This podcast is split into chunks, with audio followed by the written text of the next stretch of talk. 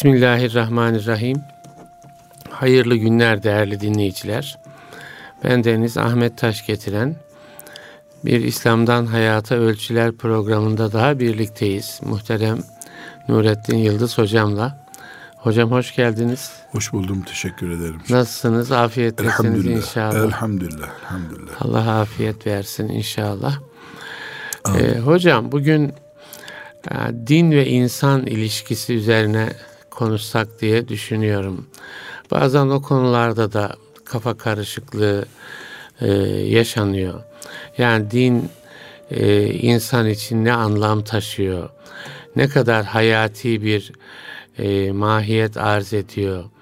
İnsanın e, varoluşu e, mesela din olmadan da e, bir insan tasavvur edilebilir mi? E, din zamanla insanın hayatında e, azalır, ortadan kalkar mı? E, gibi bir takım şeyler de var. Yani e, insan ölçüsünü kendisi bulsun. Niye işte gökten gelen bir takım şeylerle insan e, hayatını düzenlesin ki gibi hatta daha böyle radikal e, bir takım şeyler de seslendiriliyor, ifade ediliyor. Hani e, din insan ilişkisini sanki e, yeniden belirlemek lazım, yeniden ifadelendirmek lazım e, gibi düşünüyorum. Yani isterseniz bugün e, o konu üzerinde bir sohbet yapalım. İnşallah. Şöyle başlayabiliriz. Allahu Teala'nın yarattığı insan olarak biz orta yerde ama sağa ve sola kayma kabiliyetiyle yaratıldık.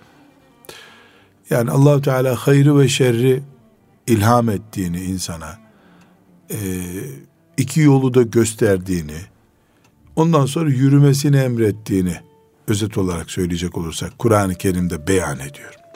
Yani bir insan yaratılıyor. Bu insan esfeli safilin dediğimiz en batak noktaya da düşebilir. allah Teala'nın e, kulluğunda en takva en iyi noktaya da yükselebilir. Her insanın yaratılışında bu meziyet yani sağa ve sola ya da hayra ve şerre kayma meziyeti her insanda var. Önünde de uzun bir maraton var insanın. Din bu maratonda insanın yürüyeceği güzergahı belirleme kılavuzudur. Eğer din olmazsa insan tek başına hayrı bulamaz.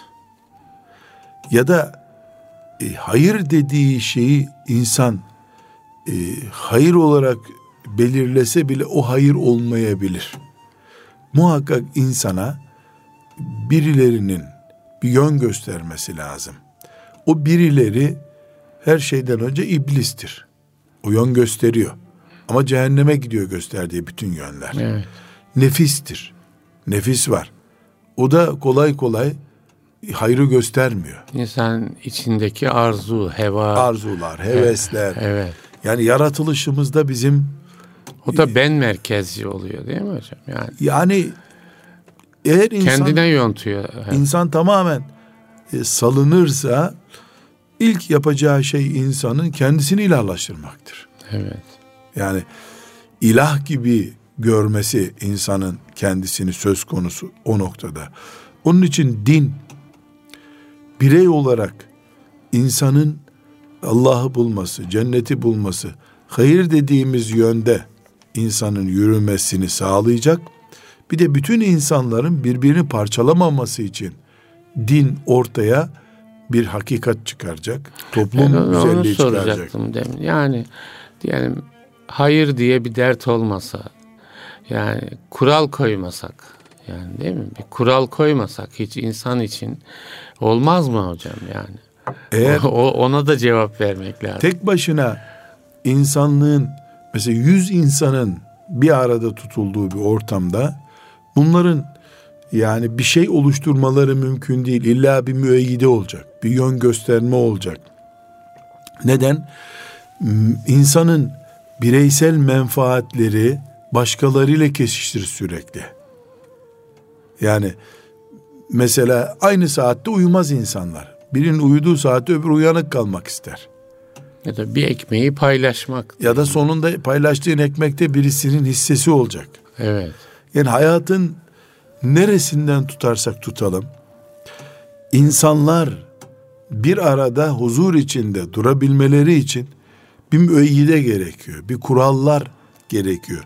Bu kuralları ya insanlar büyük katliamlardan sonra koyacaklar ve silahla bunu dayatacaklar ya da Allah esastan bunu koyacak. İnsanlar buna uyarak birbirleriyle uyumlu geçinecekler. Yani din sadece insanların sonunda cennete gidecekleri bir dindarlık için değildir. Sonunda cennete gidecekleri bir dindarlık da var. Aynı şekilde insanların kendi aralarında da insani yaşayabilmeleri için. Yani hayvani birbirini yemeden birbirini yemeden hayvani duygulardan arınmış olarak yaşayabilmeleri için de din gerekiyor. Bu din ihtiyacını insan inkar etmiyor zaten ama kendisi koymaya kalkıyor. Evet. Yani yüzlerce uyduruk din var mesela. Adı din bunların. Kendisi din değil. Neden? Bir önceki ölmüş birisinin koyduğu kurallar bunlar. Evet. Din koymuş kendisi ölüp gitmiş. Bir de şu var mı hocam? E, yani insanın hani yaratılmışlığı sanki göz ardı ediliyor. Yani insan durup dururken var oldu. Yani yaratılmışlığı inkar edilince yani Allah Celle. Allah Celle Celaluhu o yok farz ediliyor. Dolayısıyla e, insanın Allah'ın iradesiyle geldiği ve bir yeryüzüne geliş maksadı olduğu değil mi? Ondan sonra onun hesabını soracağı gibi bir hani mekanizmayı da e, yok farz etmek gerekiyor. Şimdi gelenekleştirilmiş bir takım kuralları e, din diye insanlar oturtabilirler ama kimse kimsenin boyunduruğuna girmek de istemez aslında. Evet. Yani e, mesela işte Hindistan'da beşeri kimlikli bir din, uyduruk bir din diyelim. Çoluk çocuk ona itaat ettirilir ama orada o zeminden çıktığı yerde kaybeder o. O frekans alanının dışına çıktığında onu yok sayacaktır. E, din Allah'ın olmalı. Yani insanı yaratanın olmalı diyoruz. Neden? Çünkü insanın insanın önünde boyun eğeceği gücün bir oranı vardır. Evet. Yani bunu toplumun örfü, uygulaması, benimsemesiyle bir noktaya kadar götürebilirsiniz. Ee, zaten o da herkesin hoşuna gidecek standartlardadır muhakkak. Yani ne diyor mesela? Ganj nehrinde gidip yıkan diyor. Evet. Zaten bunda bir sıkıntı yok. Gidip yıkanıyorsun. Ee, ama her gün beş defa abdest al. Çok yüksek bir emir. Bu ancak Allah'ın hatırı için ya da Celle Celaluhu cehenneminden korktuğu için cehennemine iştiyak ettiği için insanın yapabileceği bir şey. Cennetine iştiyak. Cennetine iştiyak ettiği için, cehenneminden korktuğu için yapacağı bir şeydir. Yani Allah'ın din koyması, Allah'ı temsil ettiği için, insanda zayıf, zafiyeti itibariyle mesafesi ölçülemeyecek çapta büyük bir mesafe olduğu için Allah ile insan arasında Allah'ın dinine itaat eden insanla da insanların oluşturduğu dine itaat eden insan arasında bu fark vardır. Şöyle de bir soru e, sorulabilir hocam. Mesela Allah yarattı. Ya din koymasaydı gibi bir mantık olabilir mi? Allah yarattı, din koymasaydı yaratmazdı. Hmm. Niye yarattı? Çünkü yaratmanın gerekçesini Kur'an açıklıyor. Evet. E, cinler ve insanlar. Yani sadece insanlar da değil, ibadet etsinler diye yarattık buyuruyor. Evet. E, başka bir gerekçesi yok. Yani dünyada hayat olsun, zevk olsun, insanlar mutluluk yaşasın gibi bir felsefeyle yaratılmış değil insan. Tam aksine yaratılışın ana gayesi ibadet etmektir. Yani bu ibadette namaz değil tek başına şüphesiz. Yani bütün Allah'ın emrettiği şeylere teslim olmaya ibadet diyoruz biz. Bir de o şey ayet var değil mi hocam? Ellezî halakal mevte vel hayate liyebluvekum eyyüküm ahsenu amela. Bu hangimizin daha güzel iş yapacağını görmek istiyor Allah. Yani ashab-ı kiramı mesela e, önümüze koydu Allah. Bakın bunlar güzel Müslümanlardılar. Haydi bir evet. hedef olarak ta Ebu Bekir radıyallahu anh'tan başlayan bir liste var önümüzde. Sadakatta, ibadette, teslimiyette, infakta, her şeyde bir e, yarış içindeyiz. Hangimiz daha güzel yapacağız? E, bunun için de yardımlaşacaksınız buyuruyor. Takvada yardımlaşın diyor Allah'a e, yapılacak, Allah için yapılacak işlerde. Dinin sahibinin Allah olması ne anlama geliyor? Dinin büyüklüğünün de o şekilde algılanması anlamına geliyor. Onun için biz haşa Allahu Teala'ya yani iyi anlaşılsın diye demek zorundayım. Yoksa de, örneği bile verilemez şey bu. Dil uzatabilir mi Müslüman? Yani Allahu Teala'ya yani Müslüman olmayan bile uzatmaz aslında. Yani evet. Allah'a dil uzatılmaz. Din Allah'ınsa o dine de söz uzatılmaz o zaman. O dine de bir şey söyleyenemez. Neden? Allah'ın dini Allah demektir. Celle Celaluhu. Kullarla ilgili bir şey değil bu. Kul sadece teslim olmak ve o sayede cenneti kazanmak için mümin olmuş o dine girmiştir. Binaenaleyh dinin Allah'ın olmasının getirdiği doğal bir sonuç var. Allah neyse kulun gözünde, insanın gözünde Allah'ın dini de odur. Evet. Yani mesela Allah'ı Celle Celaluhu bin değerlendirme yaptığımızda bin üzerinden gören birisi Allah'ın dinini 999 göremez. O da bin olmalı. Evet. E, bu bir iman sorunu olur o zaman. Ya Allah'a imanda sorun var ya da Allah'ın dinine e, teslim olmakta bir sorun var denebilir. Orada acaba nasıl tahlil edebiliriz? İnsanların yani Allah'a e, iman ettiğini söyledikten sonra mesela dinle daha sorgulayıcı bir ilişkiye girebiliyor. Bir takım bu bilgisizlik sonucu mudur? Yoksa e, dileriz ya bilgisizlik sonucu. Allah Teala ile ilgili inançta da mı e, sorunlar e, söz konusu? Şimdi bunun en kolayı e, bu Allah'a iman ettiğini söylediği halde dine sorgulama yapabilen bir insandaki e, yani en son sonuç göze çarpacak sonuç o imandaki arızadır. Yani tam inanıyor Allah'a Allah'ın dinine eksik inanıyor olamaz. O zaman Allah'a hayali bir noktadan işte bir düşünce tarzı olarak o e, takılmış kalmıştır o noktaya. İman değildir onun imanı. Mesela e, ashab-ı kiram zamanından örnek verecek olursak Hucurat suresindeki meşhur evet. ayette e, insanlar yeni yeni tabi geliyorlar. Bakıyorlar ki bir kitlesel dönüşüm var. Bu dönüşüm ayak uyduruyorlar. Evet. E, ama aslında iman dönüşümü yok. Ve galetil arabu amenna. Biz iman ettik diyorlar. Evet. Ama iman etmiş olmuyorlar. Dönüşümle beraber İslam toplumuna Medine'ye yerleşiyorlar. Evet. Allah onlara ne cevap veriyor? Biz iman ettik demeyin siz. Evet. Ne deyin? Müslüman olduk. Yani toplumsal bir görüntü sergiliyoruz. Hmm. Ben şöyle diyorum. İslam dairesine girdik. Bir daireye giriş. Girdik ama hala bizim kimlik kayıt numaramız yok. Evet. Tescil edilmedik henüz. İman nüfuz etmedi kalplere Yerleşmemiş. Diyor. Ayette öyle. Ayet öyle. Hucurat 14. ayet. ayet evet. evet. Dolayısıyla ortada büyük bir gerçek var. Nedir o gerçek? Allah'a iman etmek görüntüden ibaret değil. O görüntüyü onlar sağlamış ki Müslüman olduk deyin diyorlar. Evet. Yani Medine'ye geldik. Herkes Muhammed Aleyhisselam'a gidiyor. Biz de gittik. İşte el öpüyor, el alıyor. Aldık el, konuştuk. Gibi olmuş onların durumu. Sonra onlar iman ettiler.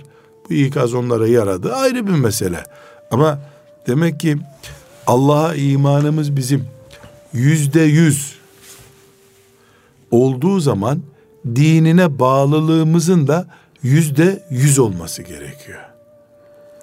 Burada şöyle bir soru da genelde tartışılır hocam.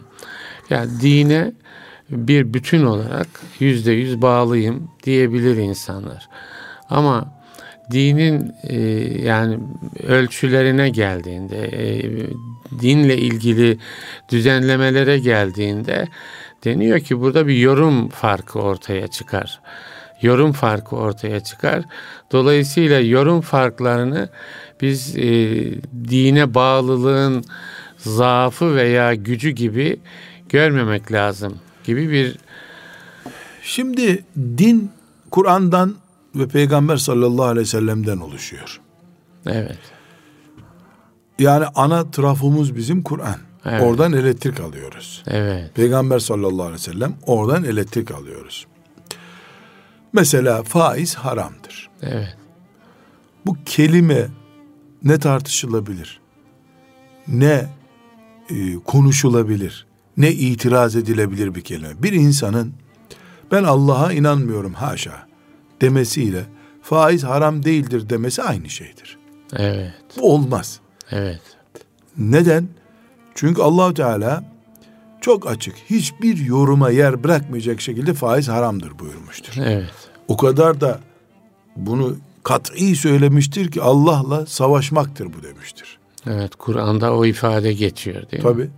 Yani faize devam edenler Allah'la savaşıyorlar diyor. Kabirden şeytan çarpmış gibi, Gibi kalkarlar kalkacaklar diyor. diyor. Evet. Şimdi çok e, güzel bir örnek üzerinden tutalım. Son dönemlerde bireysel emeklilik diye bir şey çıktı. Evet. Bu bireysel emeklilik sistemi faizdir dediğimiz zaman Hı. yani bunda faiz var haramdır dediğimiz zaman o ilk söylediğimiz Allah'ımızın en büyük emri faiz haramdır sözüyle aynı değil bu kural. Neden? Çünkü faizin ne olduğu belli. Bireysel emeklilik işleminin faize yüzde yüz uyduğunu söylemek, alimlerin oturup onu iyice incelemesini gerektiriyor. Mesela bu örnek tam uy- uygun bir örnek hocam. Şimdi faiz haramdır.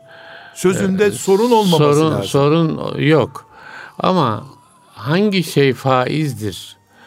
E, noktasını değildir? değildir noktasında diyelim ki alimler bile ittifak etse diyelim ki 100 tane alim dedi ki bu şudur. Bir, bir, bir başka alim de çıktı dedi ki hayır orada şöyle bir illet var.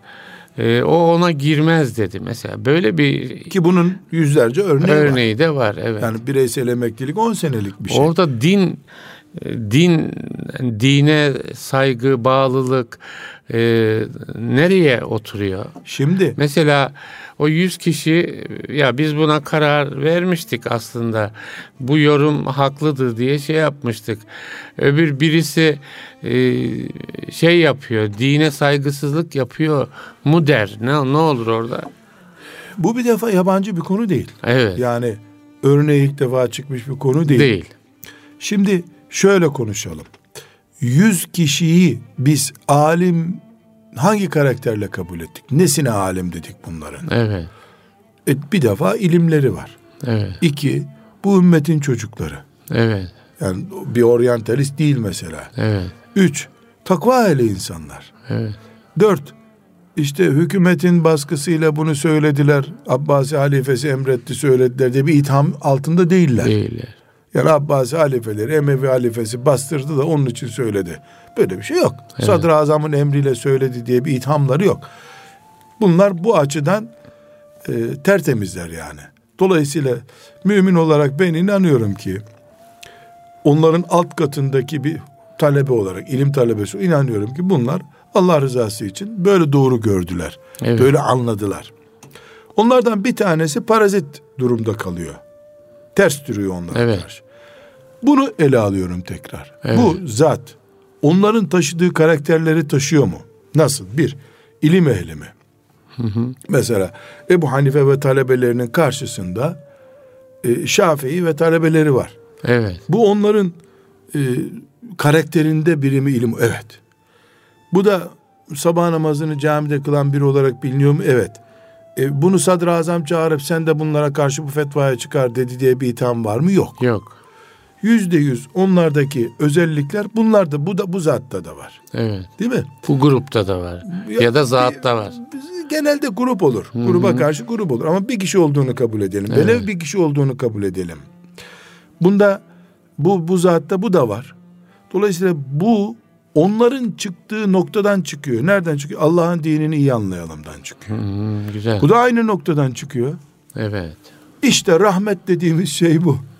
Yani e, iki farklı iştihat olabilir. Olması gerekiyor. Ya ve olmuş. Hiçbiri peygamber değil bunların. Evet. Evet. Bunlar peygamber değiller.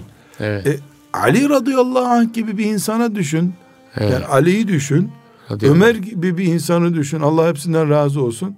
Ömer'in karşısına çıkıp yanlış düşünüyorsun demiş. Evet. Bunun daha iyi bir örneği olur mu? Ya evet. Evet. Bu dinin muazzamlığını, Evet. kıyamete kadar taşınılırlığını sağlıyor zaten. Şimdi biz ne yapıyoruz? Faiz haramdır kelimesine itirazı imandan çıkma kabul ediyoruz. Evet. Ama 100 kişi bu faizdir dedi. İki kişi de çıktı. Hayır siz yanlış düşünüyorsunuz. Bunun faiz olmaması gerekiyor. Bu fıkhın başka bölümünde ele alınmalı diyor. Evet. Mesela bu bireysel emeklilikte aynı şey var şu anda. Evet.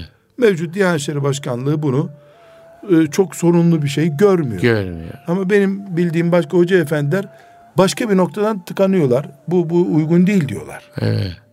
Yani bu ödeme ne zaman bitecek belli değil. Kaç paralık bir anlaşma yapılıyor belli değil. Bu bir sorun diyorlar. Yani onlar da e, bir takım e, İslam fıkhının temel yaklaşımlarından yola E çıkıyor. zaten e, benim e, yani hoşuma gitmedi bu diyene biz alim kabul etmiyoruz ki. Etmiyor, evet. Bana Allah'ın kitabından bir şey diyecek. Evet. Peygamber Aleyhisselam'ın sözünden bir şey diyecek. Ümmetin önceki büyüklerinin bir, bir şeysini söyleyecek bana öyle keyif değerlendirmesi. Burada Nescafe yarışı yapmıyoruz ki biz beğendiniz mi kıvamı nasıl diye. Haşa. Evet. Di- Din bu. Evet. Böyle kafayla kimsenin kafayla konuşma hakkı yok. Evet. Bir yerden nakil yapacak bana. Ya Kur'an'a dayandıracak. bir şeye dayandıracak kendisi. Resulullah Efendimizin sözlerine, hadislerine uygulamasına Makul bir şekilde dayandıracak. dayandıracaksın. Yani bir, bir yön yor- yordamı var bu işin. Evet. Gelişi güzel dayanmıyor bu. Bu O, o istersen orayı da biraz açalım. Makul şekilde dayandırılacak şeyi. Yani çünkü yani bazen de oluyor herkes Kur'an adına konuşuyor. Herkes e, peygamberimiz adına konuşuyor. Yani e, ve sanki ana hükümleri de iptal ediyorlar. Devre Gibi. dışı bırakıyorlar gibi yani. Şimdi mesela Allahu Teala e, hepinize e, yaşama hakkı veriyor. İşte geçinin dünyada diyor, yiyin için diyor. Bu Kur'an'ın talimatları bunlar. Diyelim ki bireysel emekliliği ben delillendirmeye çalışırken e Allahu Teala yardımlaşın diyor. Bu bir yardımlaşma çeşidi. Hmm. Allahu Teala çoluk çocuğunuzun rızkını temin edin diyor. Bu bir rızık temin çeşidi dersem bu makul bir şey değil. Bu vatandaşça bir söz, alimce bir söz değil. Yani avam dili. E, avam dili bu. Yani sıradan bir söz bu. Evet. Ama fakih ne der? Evet. Bu devlet bir kural çıkardığında mesela bunu ben böyle yorumlamıyorum. Bir kural çıkardığında Sistemi konuşuyor. ya sistemi konuşuyoruz. Bu direkt Allah'ın haramlarından biriyle sürtüşmüyorsa bir sıkıntı yok. Evet. E, bu helaldir der. İkisi de aslında Kur'an'dan alıyor ama biri bir engel göremiyor. Mesela Evet. bireysel emeklilikte eğer örnek olarak konuşacaksak e, sonu rakamları belli olmayan alışverişlerde sıkıntı var fıkıhta. Mesela ben sizden geliyorum işte 100 kilo buğday alıyorum. 100 kilo buğday belli. Kaç para ödeyeceğim? Fiyatı Mesela belli. fiyatı belli değil. Diyorsunuz ki öderdiğin zaman bakarız fiyatına. Hmm. Bunu şeriatımız alışveriş kabul etmiyor. Neden? Sonunda niza çıkacak çünkü. Gerek illet o ama Evet. Asıl sorun e, bir Fiyat alışverişte alışverişte alacağın şey belli olacak. Vereceğin. Vereceğin şey belli olacak. Evet. Belli olmadı mı burada bir sıkıntı var Evet. deniyor. Ama bu bir faiz değil. Faiz başka, başka bir şey. şey. Faiz başka bir şey. Bu da başka bir dinin başka bir alanıyla e, ya ilgili. Dinin sadece faiz yasağı yok ki. Tabi. Başka mı? Kurban keserken de böyle bir şey var. Evet. Niye kurban hisselerinde yani sen ciğerlerini alırsın ben dalağını alırım diye böyle bir taksimata niye razı olunulmuyor? Yedi kişi kurban kestiği zaman. Bu sonra adamın gönlünün kalmasını gerektiriyor. Orada o tartışma noktasını bitirin diyor dinimiz. Evet. Yani baştan tedbir almayı öğretiyor bize. Şimdi bir alimin bana göre bu şu noktaya takılıyor demesi bir belgelendirmedir. Evet. Neyi belgelendiriyor? Fuka, fukahanın yani alimlerin bütün hepsinin ittifak ettiği bir şey var. Efendimizden kaynaklanıyor bu da. Tartışma üretmeyecek bir alışveriş yapılmalıdır. Evet. Baştan tartışma üreteceği belli olan alışverişlerde sorun var. Çünkü mesela ben 100 kilo buğday sizden aldığım zaman buğdayın kilosu 3 liraydı. Şöyle oldu, böyle oldu, 2 liraya düştü. Satıcı bu farkı kapatacaksın. Bu kadar düşeceğini tahmin etmiyordu diyecek. Ya da üç buçuk oldu. Üç buçuk oldu. Dört oldu. Dört oldu. Ya bu ben alırken üçtü bu falan demeyeceksin. Diyor muhakkak zaten. Hmm, diyor bu, insan tabii. Bu işte mahkemeye gitmesi bilir kişiye havale edilmesini gerektiriyor bu sefer. Evet. Yani kavga zemini, huzursuzluk zeminini bile bile kabul etmiş oluyor Müslüman. Evet. Faiz bambaşka bir şey, bu da bambaşka bir şey. Evet. Bunlardan bir yere dayandıran fakihin evet veya hayır demesi söz konusudur. Ee, bunların ikisinin dediği de doğrudur. Neden? İkisi de gayret edip aslını ortaya çıkarmak istemektedirler. Eğer biz yok tek görüş olsun. Mesela sadece devletin ulemasının belirlediği olsun dersek ta Emevi günlerine döneriz. Yani bin sene İslam'ı geri götürürüz. Hayır ipin ucunu kaçıralım. Ee, kim ne derse desin denirse bu da bir terör çeşidi oluşturur. Burayı da biraz açalım mı hocam? Devletin uleması bu e, zaman zaman gündeme geliyor. İşte Emevi, Abbasi döneminden şey yapıyorsunuz. Orada ne tür bir sıkıntı e, söz konusu olabilir? Yani devletin e, dini kendisini ayakta tutmak için kullanmaya kalkması sonucunu götürüyor her şeyden evvel. Evet. Evet devlet ve din ayrılması gerekmiyor. Ama bireyler kendilerini devleti idare edenler işte Abbasi halifesi, Emesi halifesi din benim zaten. Ben olmasam din olmaz. Yeryüzünde Allah'ın gölgesiyim ben gibi bir ifade kullanıyorsa on tane alim de tabi sen Allah'ın gölgesisin yeryüzünde diyorsa bunun bir faturası var. Bu fatura nedir? Hürriyetin kısıtlanmasıdır. Hürriyet e, yani belki sokakta herkese olacak, alime olmayacak. Halbuki Allah Celle Celaluhu e, Efendimizin sallallahu aleyhi ve sellem sallallahu vefatında vahyi bitirdi. Onun yerine kendisine hakkıyla secde eden alim kullarının sürekli bir fikir kazanı kaynatmalarını istedi Allah. Böylece İslamiyet Veresetül Enbiya peygamberlerin varisleri alimler. Evet. E, sürekli hareketlilik olacak İslam düşüncesinde. Hı hı, çok güzel. Bu hareketlilik sayesinde İslam hiçbir asrın gerisinde kalmayacak. Evet. Ama siz bir kısmını sizden maaş almıyor diye kısmaya kalkarsanız bu ne demektir? Sadece resmiyete uygun konuşmalar olacak demektir resmiyete uygun konuşmalar olduğu zaman da İslam'ın çağları aşan büyüklüğü o çağa daraltılmış olur en iyi ihtimalle.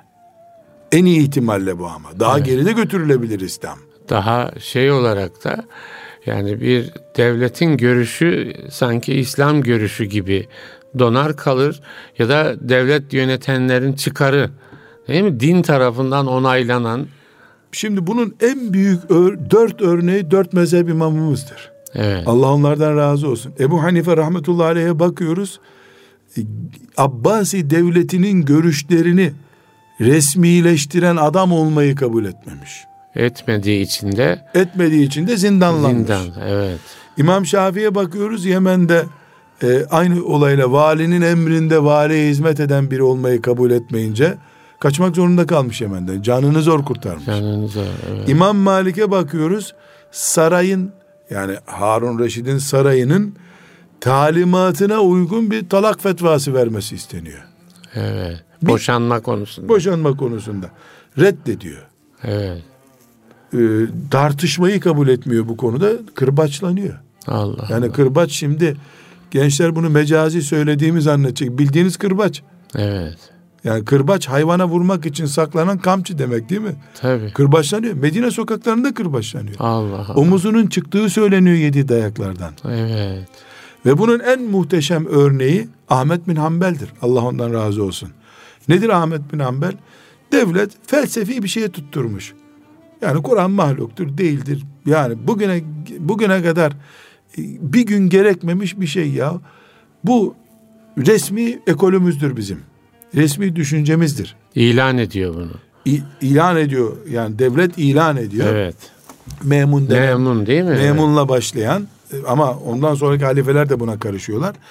Bu e, memunun kabul ettiği bu resmi görüşümüzdür dayatıyor.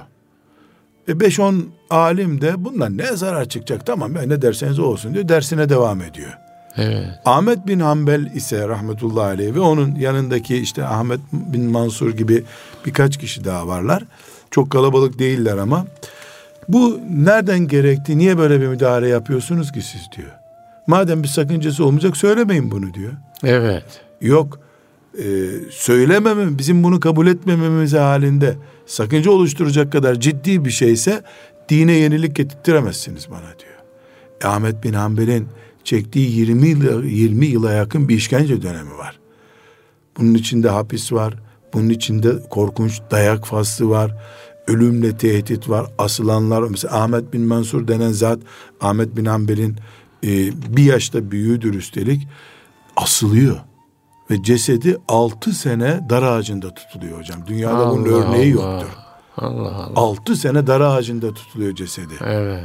Sadece devletin dayattığı Kur'an mahluktur sözüne e, ashab-ı kiramın söylemediğini söyleyemem ben. Yani enteresan.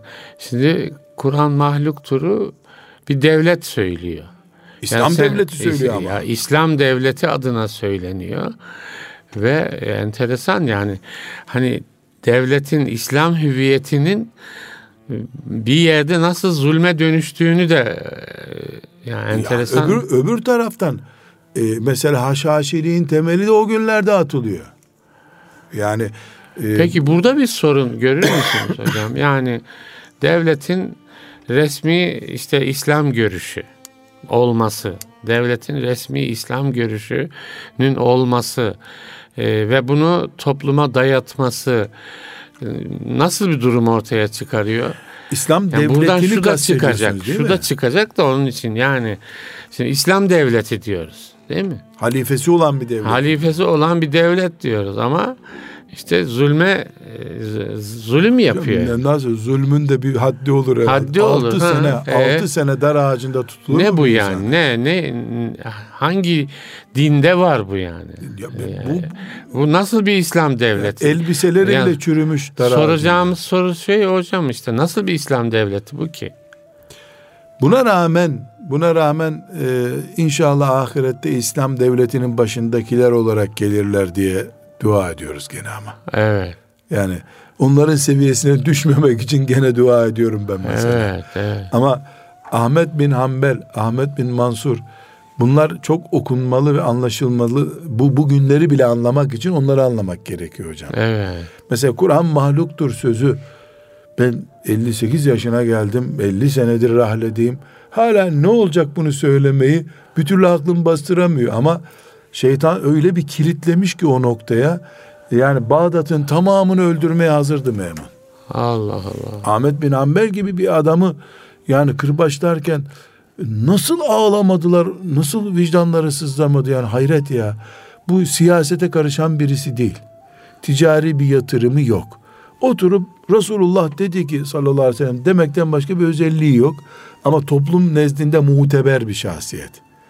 Yani Buradan ben sevdiği. ye- yeniden yani bir İslam devleti diye ortaya e, çıkıp Yalnız ben bir kayıt koyayım üstadım. Yani e, te- anayasasında layık yazan bir Türkiye değil bizim konuştuğumuz. O bambaşka bir şey. Yani şu anda bizim konuştuğumuz bu İslam devletidir. Bizans'a karşı ordu gönderen bir halifeyim ben diyen Harun Reşid'in devletini konuşuyoruz biz. Yani layık ülke şartları bambaşka. Onu da buna yamayacağımız nokta olur. Yani ama daha farklı bir seviyede o.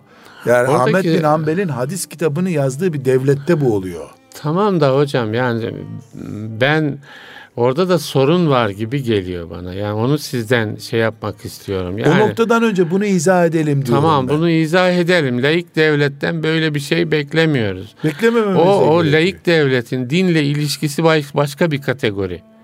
Değil mi? Elbette, başka bir elbette. kategori ama ben İslam devletiyim diyenin dinle ilişkisi de başka bir kategori. Evet, afet burada zaten. Ha, onu konuşmak lazım. Yani orada ne tür problemler o çıkabilir? problem ne biliyor musunuz hocam? Evet. Ee, Memun denen adam Harun Evet. Reşid'in oğlu. Bir de bak kardeş katili bu adam. Abisini öldürmüş. Evet. iktidarda durabilmek için. Gözü dönmüşlüğü abisini öldürdüğünden belli. Yani abisini öldürdüğüne göre gözü dönmüş bir adam bu. E, gerekçesi işte isyan etti bana neyse yani. Bu, bu mevcut bir meşru yönetimi devirmek için abisini öldürmüş ve onun tahtına oturmuş birisi. Bir defa yani başı, başta bulunuşunda meşruiyet sorunu var. Onca Müslümanlığına rağmen ki bunların her halükarda hocam e, Müslümanlığını konuşmamız caiz değil. Müslüman bunlar çünkü. İmanlarında bir sorun yok. Mesela Memun alim adamdır üstelik. Okumuş, yazmış, bir miktar felsefede bilen birisidir Memun. Buna rağmen gözü Ha. dönünce yapmayacağı yok. Evet. Dolayısıyla bu Memun Darül Hikme'yi de yok, kur- çok çok çalışmaları var. Evet. Yani bu olayı olmasa, abisini öldürmese Harun Reşit'ten fazla anılacak birisidir. evet. Ayet biliyor, hadis biliyor. Fakat bir sorun var. Din dahil her şey emrimde olacak. İşte şey yani bence de asıl sorun o hocam. Yani o küçük bir sorun değil. Değil tabii. Yani şöyle Değil bir tabii. şöyle bir soruyu getiriyor benim aklıma. Yani ben İslam devletiyim diyen bir devlet hangi durumda bu özelliğini kaybeder? Yani bu bunu şu dönemde kaybeder sonra geri alır ya da bir kere buna ilan etti mi artık içinde zulüm de olsa bu hep böyle devam eder olur mu? gibi Allah, midir? yani? Allah'ın rızası zulümden yana olur mu? hiç? Olur mu? Evet. Hiç öyle bir şey olur mu? Şimdi Ahmet bin Hanbel Evet. o günlerde 45 yaşlarında birisi. Evet.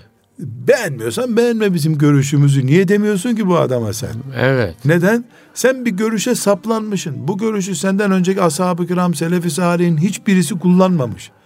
İmanın esaslarından değil. Hadislerde geçmiyor. Bir teori çıkmış ortaya. O teoriye alimleri de bağlamak istiyorsun. Ahmet bin Hanbel katılmadıysa katılmasın. Niye diyemiyorsun? Çünkü Ahmet bin Hanbel bir kıymet. Toplum itibar ediyor.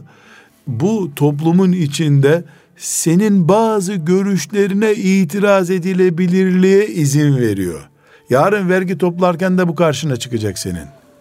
Yani Müslümanlara şu işi yapın dediğin zaman ya da şu binayı buraya yapın dediğin zaman karşına çıkacak bu diye endişe ediyorsun. Ve bir alimi bir hırsızla aynı zindana koyuyorsun bu yüzden.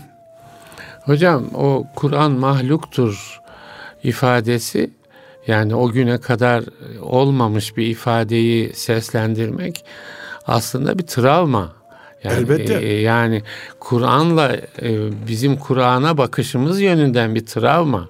Yani onu da kendi yani böyle şey değil bence yani o o Masum konuda değil. ısrar etmesi falan yani durup dururken ısrar etmesi de masum bir şey değil Asla yani. değil, asla değil. Evet.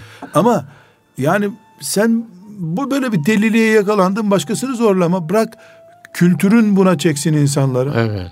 Yani yay zamana herkes inansın. Kırbaçla bir insana düşünmesi emredilemez ki. Evet. Bu şunu gösteriyor. İslam devleti de olsa zulüm zulümdür. Evet. Kıyamet günü hep kafirlerin mi hesabı görülecek? Kafirlere hesap görülmeyecek zaten kıyamet günü. Evet. Tepeden gidip gidecek onlar. Mümine hesap sorulacak. e, Ömer bin Hattab'ın adaletiyle girdiği cennete bunlar bu zulümle girecek halleri yok herhalde. Evet. Yani bu bu fark orada görülecek ama alimlere dayatma yapılmasına örnek verdik biz bunu. Hı hı, evet. Bu dayatma da yani Allah razı olur mu bundan sormuyor. Bilakis İslam'ın şartı haline getiriyorsun bunu. O zaman biz İslam devletinde yani memundan memunu esas alarak yani o dönem Harun Reşid'in evet. oğlu memunu esas alarak söylüyoruz ki İslam'ın temelleri var. Nedir evet. bunlar? Namazdan, oruçtan bildiğimiz iman esasları. İslam devleti bunları koruyacak. Evet. Bunlara taarruza karşı cihat ilan edecek yeri geliyorsa. Ama alimlerin ürettikleri fikirleri, alimlerin mezheplerini, alimlerin iştihatlarını Resulullah sallallahu aleyhi ve sellem'i korur gibi koruduğu zaman zulmetmiş olur. Hürriyet sağlayacak. Yeter ki Kur'an'ımıza dil uzatılmasın. Peygamber aleyhisselam efendimize dil uzatılmasın. Ashab-ı kirama dil uzatılmasın. Ondan sonraki nesilleri yok kabul etmeyelim. Mesela Ebu Hanife rahmetullahi aleyh niye zora sürülmüş, kırbaçlanmıştır? Sanki teamüllere aykırı bir iş yapıyormuş gibi kabul edilmiştir. Yani nedir teamül? Ee, bilmiyorum de git. Ebu Hanife bilmiyorum dememiş. Kafa yormuş. Bu böyle hmm. olmalı demiştir. Bu böyle olmalıya tahammül edilemedi. Yani sadece devletten kırbaçlanmadı Ebu Hanife. E diğer onu haset edenler de kırbaçladılar onu. Evet. Bu kırbaç sözle oldu, ithamla oldu. Diğer alimler samimi bir şekilde tenkit ettiler. Bana göre ümmeti Muhammed'in büyüklüğü, azameti Ebu Hanife'ye itirazlar eden İmam Malik'ten geliyor. Yani iki güneş gibi birbirlerine senin ışığın az benim ışığım fazla demişler. Bu ümmetin büyüklüğünü gösteriyor. Evet. Yani aradan bir asır geçmeden Ebu Hanife gibi bir büyük deha yetiştirmiş bir ümmetiz biz elhamdülillah. Ondan 20 sene sonra onun karşısına dikilecek bir malik yetiştirmiş bir ümmetiz biz. Bu bu ümmetin servetidir ya. Tabii. Devletin vazifesi nedir? Hakka hukuka riayet ederek, kimsenin kimseye zulmetmesine izin vermeyerek bu büyümeyi sağlamak, bunları sulamaktır yeri geldiğinde. Yani bundan ümmetin zararı yok ki. Faydası var. Ondan sonra devletin bir üst kurulu olur. Şura meclisi olur. O da başka bir alimler grubundan oluşur. Onlar otururlar derler ki filan konuda tıkanıyoruz. Malik'in dedikleri doğru. Malik'in görüşü devletin tercih ettiği hmm. mahkeme görüşü olsun. Mecelle dediğimiz olay budur zaten. Evet, evet. Osmanlılar son döneminde bunu yaptılar. Muhteşem bir iş yaptılar. Evet. Yani baktılar ki ulema geliyor, çoğalıyor, nüfus büyüdü. E, kaliteli mahkeme heyeti yetiştiremiyorsun. Doğru dürüst alim olmuyorlar. Ne yaptı?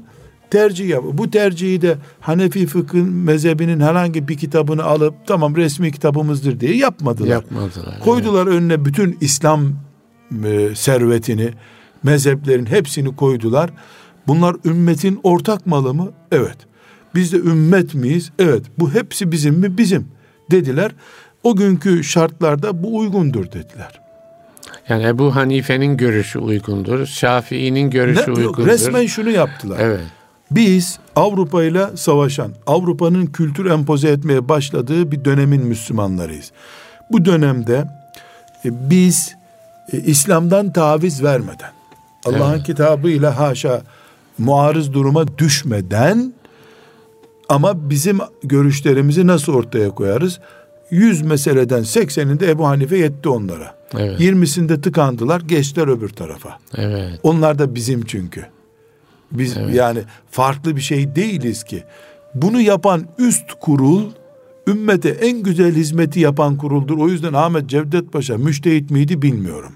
Ama ama yaptığı iş Ebu Hanife'ye göre kendi zamanının Ebu Hanifeliydi. Öyle deniyor. Yani Osmanlı'nın en önemli hukukçularından birisi son dönemde yetiştirdiği. Yani ilmini ölçüp de Ebu Hanife'nin yüzde kaçı yapıyor diye kıyaslayacak olsak sonuç olmayabilir elimizde. Evet. Belki evet. Ebu Hanife'nin tırnağı değildi ama yaptığı iş o zamanda evet. Ebu Hanifelik bir işti. Evet, evet güzel. Yani Ebu Hanife de rahmetullahi aleyh kalksa onu yapacaktı zaten. Evet. Zira Ebu Hanife benim dediklerimin dışında kim bir söze uyarsa cehennemliktir diye bir şey demedi ki. Elinden gelen gayreti gösterdi. Öbür alim de elinden gelen gayreti gösterdi. Ama e, kalkıp da e, sen konuşmayacaksın dendiği zaman bu bir zulümdür. Yani bunu şuradan geldik üstadım.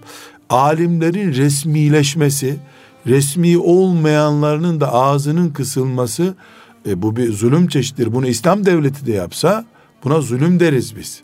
Nerede kaldı ki laik bir devlette e, ya da işte Orta Asya'daki gibi laik bile olmayan bir devlette Kazakistan'da, Türkmenistan'da sistemi henüz oturmamış bir devlette yedi tane sekiz tane alime sarık sarıyorsun. Bundan sonra sizin fetvalarınız geçerli diyorsun. Mesela işte Çeçenistan'da görüyoruz. Evet. E, bir güya ehli sünnet alimi diye büyük bir sarık sardırıyorlar birisine.